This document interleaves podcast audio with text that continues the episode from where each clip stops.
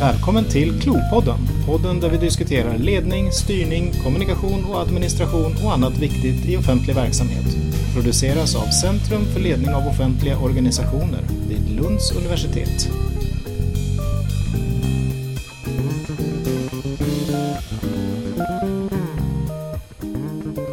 Hej! Välkomna till podden. Eh, Jag heter Robert Holmberg. Jag är universitetslektor i psykologi vid Lunds universitet. Och jag sitter här tillsammans med eh, Johan Alvehus och eh, jag är professor i tjänstevetenskap på Lunds universitet på institutionen för tjänstevetenskap, passande nog. och vi är ju båda med i KLO, Centrum för ledarskap i offentliga organisationer. Och eh, jag är på besök här på Campus Helsingborg idag för att göra podd med dig Johan. Ja, och du är hjärtligt välkommen naturligtvis i vår, till vår fina poddstudio som vi har tillgång till här Ja. på universitetet. Mycket imponerande. Och bakgrunden, eh, det är ju det att eh, du har tillsammans med kollegor skrivit ett inlägg på DN Debatt som jag förstod väckte en del uppmärksamhet. Kan inte du berätta lite grann vad, vad bakgrunden var? Bakgrunden till det här debattinlägget är i grund och botten den forskning som jag och min kollega Gustav Kastberg Weiselberger håller på med i offentlig sektor och vi tittar på lite olika sätt på hur professionella och hur administration fungerar och hur styrning och ledning i offentlig sektor fungerar. Debattartikeln kommer sig rätt mycket av en rapport som vi skrev för ett par år sedan som finns på KFI, kommunforskning i väst där vi försöker reflektera lite kring varför det har blivit som det har blivit när man tittar på siffrorna för administratörer i offentlig sektor. Tittar man från 2001 till 2017 så ökade antalet administratörer och då menar vi personer som utvecklingsledare, verksamhetsutvecklare, kommunikatörer, PR-människor och så vidare. Det ökade med över 70 procent de personerna på knappt 20 år. Och här måste man kanske ställa sig frågan varför då? Och det är lite det som vi försöker reda i i det här debattinlägget. Eh, Jag, jag tyckte det var ett spännande inlägg och jag reagerade själv lite grann. Sånt där, både att jag tyckte det var intressant men att jag också kunde känna en del, ja, det väckte en del kritiska frågor. Och jag har förstått att ni har fått lite reaktioner också i, Vi har- DN och på andra sätt. Vi har fått jättemycket reaktioner. Dels har vi fått några repliker på DN Debatt så som brukligt är och sen så får man skriva en slutreplik och det gjorde vi också och allt det här finns väl på DNs webbsida. Eh, mer eller mindre tillgängligt beroende på om man är prenumerant eller inte. Eh, men också mycket reaktioner på mail, eh, människor som har ringt och velat prata med oss och lite till min förvåning får jag säga nästan uteslutande positiva reaktioner. Eh, många som har berättat att de känner igen sig. De har skickat exempel på hur de själva har upplevt överadministration och så vidare. Så att det har fått väldigt mycket gensvar eh, och huvudsakligen positivt gensvar. Delvis faktiskt till min förvåning för att artikeln är ju i grund och botten ganska kritisk. Eh, Så jag skulle, jag hade nog förväntat mig en lite mer diversifierad respons. Det kanske kommer efter det här. Jag, jag kan tänka mig att det var, ni, ni pekar ju på några grupper, alltså strateger som är ett ganska vitt begrepp då och eh, kommunikatörer bland annat. Eh, Du har inte fått några sådana som identifierar sig med de grupperna som har reagerat kritiskt? Inte jag, Gustav har eh, fått någon sån reaktion vet jag. Eh, Men det är väldigt marginellt om man ser till den allmänna responsen. Och jag har, fått, jag har till och med fått respons från personer som har sagt att jag jobbar själv som kommunikatör och jag känner väldigt mycket igen mig i det ni skriver och jag skäms lite för det jag håller på med. Och det är ju en intressant reaktion. Mm. Mm. Det är rätt starkt.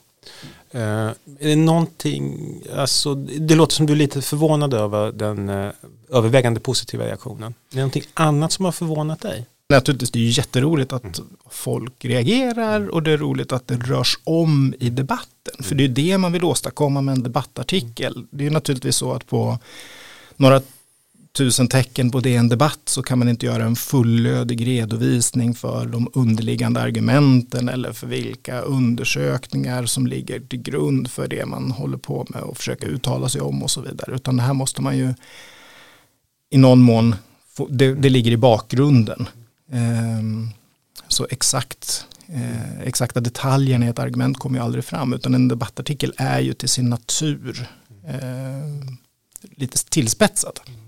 Det känns ju som ändå ett exempel på att forskare kan komma ut och få ett, ett möte med en sorts intresserad allmänhet på ett, på ett bra sätt. Eh, Absolut, eh, Absolut. och jag, jag, mm. tycker det, jag tycker det är en ganska viktig lärdom generellt att det, det pratas ju ganska mycket om att forskningen har svårt att nå ut i samhället och så vidare. Men jag tror också det kanske delvis beror på att forskare är lite dåliga emellanåt på att ta tag i situationen och faktiskt försöka nå ut till en bred, bredare allmänhet. Eh, och det tycker jag är viktigt, inte minst i samhällsforskningen. För att i någon mån så existerar vi för att ha en dialog med det samhälle vi lever i. Jag tänker, vi, vi har ändå möjlighet här kanske att gå in på, på vissa kanske mer bakomliggande resonemang eller aspekter och sånt där. Alltså, artikeln eller debattinlägget är ju ganska brett i sin problematisering. Det Är någonting som du skulle peka på som, som är uppenbart mer problematiskt eller värt att tänka över i den utvecklingen, den här ökningen av en viss typ av administratörer? Och finns det andra saker som kanske ja, inte... Jag, jag tror en viktig sak att lägga till och vi mm. skriver mm. det väldigt mm. kort i debattartikeln och det är det här att administration per se eller byråkrati per se är inte av ondo. Organisationer, formella organisationer behöver byråkrati. Det måste finnas regler för ansvar, befogenheter, i viss mån för hur arbetsuppgifter ska utföras, procedurer. Det handlar ju om att klienter ska få lika behandling till exempel.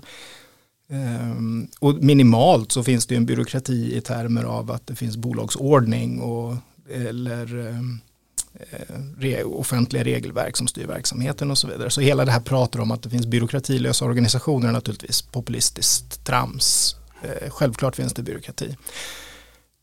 Och det finns och behövs administration.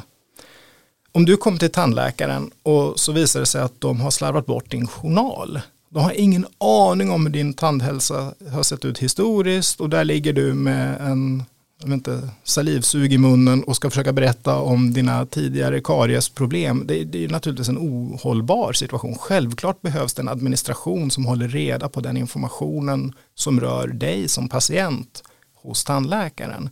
Och så vidare och så vidare. Så det behövs byråkrati, det behövs administration.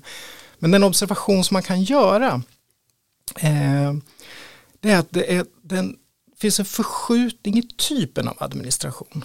Man går från det man skulle kunna kalla för väldigt verksamhetsnära administration till en form av administration som rör sig på mer strategisk nivå i organisationen. Och det är här som vi kanske måste börja ställa kritiska frågor kring i vilken utsträckning behövs den här administrationen? Är det här en form av administrativ verksamhet som vi bör lägga pengar på inom till exempel då offentligt finansierad verksamhet? Och det är den kritiska frågan egentligen som vi vill åt här. Ja, eh, jag tänker ett, ett, ett, en elakt sina läsare, eller jag faktiskt, tänkte också till lite grann att vänta, tycker de här att det var bättre förr? Är det, är det dit, är det, är det, borde det vara mer som det var förr? Är det det de är ute efter? Eller, ja. ja, det är ju en vanlig, vanlig mm reaktion kan jag tänka. Att, alltså, det var bättre förr och ju förr dess bättre eh, i någon mån. Och det tror jag är det kanske går att läsa mellan raderna men jag hoppas inte det går att läsa allt för tydligt mellan raderna för det är verkligen inte vår ambition. Eh, risken är alltid om man pekar på någon slags händelseutveckling och så säger man här finns det en problematisk händelseutveckling och så blir det att ja, men då var det automatiskt bättre förr. Jag är inte säker på att det automatiskt var bättre förr. Jag är inte heller säker på att det automatiskt var sämre förr. Jag tänker att det här är återigen någonting som man i så fall i specifika fall får gå in och försöka kritiskt utvärdera. Eh, men bara för att man tycker att en händelseutveckling är problematisk behöver man inte tycka att det nödvändigtvis var bättre förr. Jag tycker det finns ett parallellexempel här i det så väldigt bespottade New Public Management som har närmast blivit ett skällsord under de senaste, säg, 15-20 år, ja 10-15 åren kanske. Eh, men då glömmer man ju bort, New Public Management infördes av en anledning. Det var en offentlig sektor som man upplevde höll på att spränga alla gränser. Man pratar om den ofantliga sektorn och så vidare. Det fanns en anledning till att man ville gå in och försöka ta kontroll. Professionerna upplevdes som för dominerande och för autonoma. Och New Public Management var ett svar på den problematiken. Så allt var inte nödvändigtvis bättre för men allt var inte nödvändigtvis sämre för heller. Jag tror återigen det krävs betydligt mer nyanserade analyser och det är kanske det vi vill i någon mån i förlängningen här så vill vi förstås uppmuntra till det. Ehm, och jag hoppas att debattartikeln mot slutet när vi försöker vara lite mer konkreta andas det här att olika verksamheter måste nog titta på sina förutsättningar och reflektera över sina förutsättningar för hur man ska utforma verksamheten. För det finns, finns lite risk att det, finns, att det blir ett slentrian i att jaha, alla andra har en stor strategisk kommunikationsavdelning. Det måste nog vi också ha. Och där tror jag faran ligger. För det är ju någonting som vi känner till sedan länge inom organisationsforskning. Att organisationer, och nu pratar vi både om offentlig och privat och eh, den tredje sektorn, civilsamhällets organisationer. Organisationer utformas inte automatiskt för någon slags högsta möjliga effektivitet. Utan när, man, när, organisationer funderar på hur ska vi fungera som organisation så tittar man väldigt mycket på andra organisationer och söker inspiration därifrån. Så det finns det som kallas med ett lite fint ord för institutionell isomorfism. Det vill säga det blir en likformighet mellan organisationer. Andra gör någonting, ups då borde vi nog också göra det. Och här tror jag man måste vara lite vaksam. Det där är ju jätteintressant och jag tänker att där kommer man in på någonstans hur 17 vad är det som driver den här utvecklingen? Det är säkert att det finns den typen av, av imitationsmekanismer eller att man, att man gör det på olika sätt. Men jag tänker, man kan också fundera på vad är det, vad är det i eh, till exempel offentlig sektor som, som eh, eh, driver fram en viss utveckling som ju, det kan vara olika saker. Jag tänker till exempel på det här med eh, vi kanske vill ha ett enhetligt journalsystem för all vård i Skåne eller för hela Sverige. Eh, vi vill att det ska vara tillgängligt för patienter och för olika personalkategorier. Eh, vi vill att vissa inte ska kunna titta på vad som helst och andra ska kunna titta lätt på vissa saker. Och vi vill kunna använda det för forskning till exempel. Det där är ju någonting som eh, sysselsätter väldigt många personer och det blir väldigt komplext snabbt. Och de här personerna är ju den här kategorin, det är strateger och projektledare och i, i, i stor mängd. Ehm, eh, och, och, en annan sida är det här vi kanske vill ha lik, likvärdig vård eh, i hela landet. Och det är många som är sysselsatta med att ta fram riktlinjer och se till att de där fungerar, som jobbar precis med de här sakerna. Det här är ju det är goda målsättningar. Eh, jag vet inte hur du tänker om, om drivkrafterna. Mm. Alltså att det finns bra intentioner som kanske leder fel. Ja, precis. Jag tänker att vi kanske kan skilja på mm. ett par saker saker här begreppsligt och det ena är drivkrafter och det andra intentioner. Om vi pratar om drivkrafter så pratar man ofta och traditionellt pratat om det här, nämnde alldeles nyss, den här imitationen eh, som organisationer ägnar sig åt, men också externt tryck från omgivningen. Det ska finnas en jämställdhetsplan, det ska finnas en likabehandlingsplan, det ska finnas en miljöplan eller hållbarhetsplan och så vidare och så vidare. Massa standards man måste leva upp till och det är allt det här externa trycket producerar ju ett mer eller mindre konkret och mer, mer, mer eller mindre realistiskt behov av administrativ verksamhet på olika sätt. Det, och det här är ett fenomen, det känns sedan ganska länge. Det jag och Gustav försöker säga är att det här är inte bara ett ex, en extern fråga utan det här är också en fråga om vad som egentligen faller tillbaka på professionaliseringsprocesser. Yrkeskategorier inom organisationer som på olika sätt försöker röra sig mot arbetsuppgifter med lite högre status.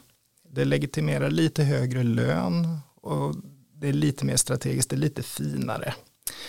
Eh, och det är de mekanismerna som vi specifikt vill peka ut med det här begreppet elevering som vi pratar om. Och naturligtvis är det så, det är ju ingen här som ger sig, ger sig in i det här och ger sig attans på att nu ska vi knäcka offentlig sektor. Det är ju inte det som är grejen här, utan jag kommer lite grann att tänka på det här engelska talesättet the road to hell is paved with good, in, good intentions. Alltså vägen till helvetet är kantad av goda intentioner och det är kanske lite den situationen vi sitter i. För vi kan identifiera naturligtvis och säga att här har vi ett jämställdhetsinitiativ. Och det är väldigt svårt att ha distinkta invändningar mot att vi vill ha ökad jämställdhet i organisationer. Här har vi ett likabehandlingsinitiativ. Här har vi integrationsinitiativ, hållbarhet och så vidare. och så vidare. Alla de här grejerna är ju bra grejer som vi vill ha. Men frågan är, när vi lägger alla de här bra grejerna på varandra så blir det väldigt, väldigt mycket. Och någonstans måste vi ställa oss, är det det här nödvändigtvis som de resurser vi har ska gå till? Där tänker jag, då får vi en situation, för det är inte så att vi säger att allt ska bort. Det är inte vår poäng. Jag är all in när det gäller journalsystem som fungerar. Naturligtvis finns det behov och det finns behov av utveckling. Det finns naturligtvis, om vi håller oss kvar vid sjukvården, självklart finns det massor av exempel på underliga saker som sker. Jag var själv och intervjuade en verksamhetsutvecklare för en tid sedan som berättade om att de hade en rutin som man genomförde, man fyllde i en blankett när personer kom till akuten och skulle skrivas in på akuten. Den här blanketten fylldes i av en person som sitter i receptionen. Den lades åt sidan. Sen flyttades den in i ett rum bakom för att så småningom hamna i en papperskorg. Ja, här finns det verksamhetsutveckling att göra. Så självklart finns det massor av exempel på saker vi måste förbättra. Men vi måste vara vaksamma på att allt kanske inte nödvändigtvis måste förändras hela tiden. Och vi ska också vara lite vaksamma på vem det är som ska bedriva de här förändringsarbetena. För ett annat alternativ till att tänka att det ska finnas centrala staber med verksamhetsutvecklare och strategiska ditten eller datten kan ju vara att okej, okay, här finns det resurser som vi skulle kunna använda för att ha mer luft eller det som kallas för slack ibland i organisationen och ge de som jobbar i kärnverksamheten möjlighet att själva ägna sig åt att utveckla verksamheten i det här lilla vardagliga planet. Och det vet vi när det gäller förändringsarbete i organisationer att det är den här typen av förändringsarbete som ofta blir väldigt betydelsefullt. Jag tänker, det låter lite grann som att om man, om man hade lite mer is i magen och kunde, kunde tänka lite kritiskt så skulle man kunna göra de saker som de här goda intentionerna på något sätt liksom aktualiserar eller, eller pekar på men kanske inte dras med i, i allt eh, samtidigt eller Nej, så, precis. kunna prioritera på något sätt. Va? Ja men precis, det mm. håller jag med om. Det, is i magen tycker jag är ganska mm. bra för att det är mm. väldigt lätt att man hakar på alla nya trender och allting ska göras. Och problemen, om man ser man återigen flyttar sig in i organisationen och tänker att här finns det en organisationspolitisk, om man så vill, dimension. Att de personerna som kommer i den här typen av eleverade administrativa positioner, de hamnar ofta i stabsfunktioner, de är ganska nära organisationsledningen. När det blir tajtare tider, när budgeten krymper, som vi har nu, vilka delar av verksamheten är det som man börjar krympa? Vart är det man börjar dra tillbaka tjänster? Ja, ofta är det inte på de här centrala staberna och det finns det också siffror som visar. Nedskärningarna sker ute i organisationens periferi och det är naturligtvis svårare att säga att Pia som jobbar tre dörrar bort från mig, det är svårare att dra bort den tjänsten än en anonym elevassistent på en skola i förorten. Här närmar vi oss ganska i någon mån ganska obehagliga frågor om hur organisationer funkar. Men organisationer är politiska system och den dimensionen ska inte heller glömmas bort här. Eh, och det är risken menar vi eh, med den här typen av eleverade administratörer att de kommer lite för nära den centrala ledningen och den centrala ledningens intressen som huvudsakligen speglas. Och tittar man i, ja, håller vid hälso och sjukvården så samtidigt som andelen centrala administratörer, eleverade administratörer ökat så har ju antalet läkarsekreterare till exempel minskat. Och det kan man ju undra om, om, om det var en så bra Det är en exempel på en annan typ av administration som ligger oerhört mycket nära. Oerhört mycket närmare kärnverksamheten, absolut. Eh, en sak som jag tänker på som dyker upp här också, det finns ju ett sorts utbud av eh, både av Eh, Ehm, informationsteknologi men också olika typer av konsultidéer. Eh, och sen tänker jag att både du och jag är ju involverade i att utbilda unga människor som i många fall kommer att vara nyckelperson i olika sådana här verksamheter. Vad tror du det där med utbud av idéer och arbetssätt är och vilken roll har liksom högre utbildning för att antingen driva på det här eller kanske bidra till att man har lite mer is i magen eller kan tänka kritiskt? Vad, vad gör du själv? Ja, för min egen del så, eh, om vi nu håller mig till forskningssidan som blir mycket mer lättförsvarad här, så försöker man naturligtvis att bidra med kunskap kring de här frågorna i debatten, i min forskning, men också naturligtvis man skriver läroböcker, man föreläser, man försöker beskriva hur organisationer fungerar och försöka få in ett kritiskt tänkesätt kring det. Men du har ju alldeles rätt i det att man kan ju ställa frågan om är det så att det här bara är efterfrågedrivet? Det vill säga det finns en enorm efterfrågan på den här typen av kompetenser så alla som vi utbildar som är ekonomer, personalvetare, Eh, tjänstevetare, kommunikatörer, you name it. Att det finns en enorm efterfrågan på de här personerna och de bara sugs upp av arbetsmarknaden. Eller är det så att när vi skapar den här typen av kompetenser så utvecklas det till yrkesidentiteter och de yrkesidentiteterna tenderar att reproducera sig själva.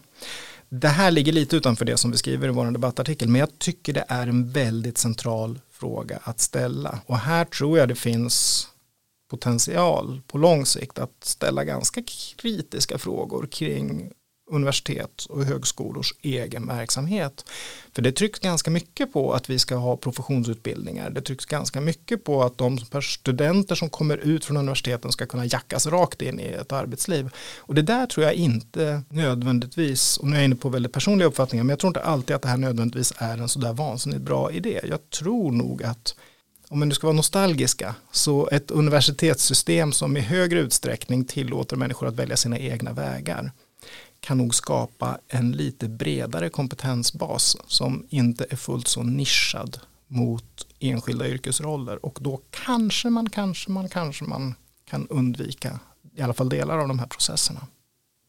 Det är en äh, lite knepig fråga för oss. Vi vill ju gärna marknadsföra oss och visa vilka bra utbildningar vi har och sådär. Men eh, vi kanske också ska ha lite is i magen ibland. Det är många trådar som dyker upp här, eh, både om hur vi kom hit och vad som är vägen framåt. Alltså vad, vad är, vi har berört det lite grann, men vad, vad är önskvärt? Alltså vad, eh, en vision kanske inte är forskarens främsta uppgift att ta fram, men vad är vägarna mot någon sorts balans? Ja, nej, visioner håller med. Det, det, det, är nog inte riktigt vårt jobb att ta fram. Men man kan ju fundera på vilken typ av kritiska frågor kan vi lära oss att ställa? Och där tror jag en sån här fundamental kritisk fråga som vi måste börja lära oss att fundera på det är vad är kärnverksamheten? Vad är det egentligen den här verksamheten är till för att producera? Och när vi ställer den frågan så kan vi i nästa steg ställa frågan vad är nödvändigt för att kärnverksamheten ska kunna producera den här tjänsten som vi är till för att producera. Och ju längre vi kommer från kärnverksamheten desto mer tuffa vi borde vara när vi ska svara på den här frågan. Behövs verkligen det här? Så att börja ställa frågor kring kärnverksamheten och det kanske är så att kommunikation är en extremt central del av kärnverksamheten idag för en region jag är själv skeptisk. Jag känner att jag behöver inte jättemycket varumärkesarbete från, eh, från hälso och sjukvården för att det räcker med ett telefonnummer som jag kan kontakta med en vårdcentral på. Men jag kan ha helt fel. Det kanske behövs jättemycket kommunikationsinsatser här och att det är en del av kärnverksamheten. Fine, då har vi åtminstone ställt frågan och vi har försökt besvara den på ett reflexivt och kritiskt sätt. Och där någonstans måste vi börja för att det finns ingen forskare, konsult eller it-leverantör eller någonting annat som kan komma och säga att så här är det, så här ska det vara. Utan det här handlar naturligtvis om en utveckling som måste pågå i organisationer. Både från ledningsnivå men också från det så kallade verkstadsgolvet. Jag tänker framförallt i offentlig sektor till syvende och sist, det här är skattebetalares pengar som vi har ett ansvar för att förvalta på ett vettigt sätt. Det låter som att ställa kritiska frågor låter som någonting där många av akademins styrkor skulle kunna komma fram på ett väldigt bra sätt. Absolut. Det låter som en bra idé. Jag tänker om du skulle, om du skulle rekommendera tre böcker på det här eh, temat som eh, kan belysa något, om man vill fördjupa sig. Om man vill fördjupa sig, en, en sak som jag brukar trycka ganska hårt på, eh, jag föreläser ganska ofta för eh, chefer i organisationer. Man vill ha ledarskapsutbildningar. Det jag ofta säger då är att börja med att förstå hur organisationer fungerar innan du börjar prata ledarskap och alla varianter av det pratet som finns så börja med att förstå organisationer och hur de fungerar. Så min första rekommendation faktiskt är att man tar upp en grundbok i organisationsteori. Där tror jag faktiskt man ska börja för att bygga upp en, en vokabulär, ett sätt att prata och resonera och tänka kring organisationer som ehm, är lite mer nyanserat än det vi har tillgång till i vardagen. Men tänker vi specifikt på de här frågorna om administration så skulle jag rekommendera två böcker. Den ena heter Administrationssamhället och är skriven av Forsell och Ivarsson Westerberg. Den andra är en bok av en statsvetare som heter Patrik Hall. Den boken heter Managementbyråkrati och den fångar på ett väldigt bra sätt den här typen av processer som våran debattartikel handlar om. Det låter som jättebra tips. Jag hoppas det. Jag tackar dig Johan för jag tycker det har varit en oerhört spännande samtal med utgångspunkt i debattartikeln och eh, ledde också vidare till många trådar och inte minst eh, pekade ut mot vilka möjligheter man har när man jobbar i olika verksamheter där man utvecklar kanske rätt mycket av eh, olika typer av administration. Man kan tänka till om det och sen tycker jag det är också spännande med det här att rikta blicken lite grann mot oss och vad vi gör och konsekvenserna av det. Så tack för det här. Tack själv. Mm. Och eh, vi eh, kommer producera fler avsnitt av eh, den här podden, Klopodden. Och eh, vi hoppas att eh, ni som har lyssnat har haft en angenäm upplevelse och att vi kan välkomna er tillbaka till nya avsnitt så småningom. Tack så mycket.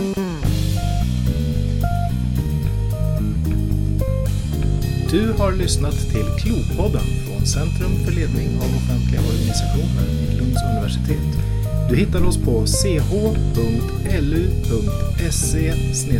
forskning CLOO. Välkommen nästa gång.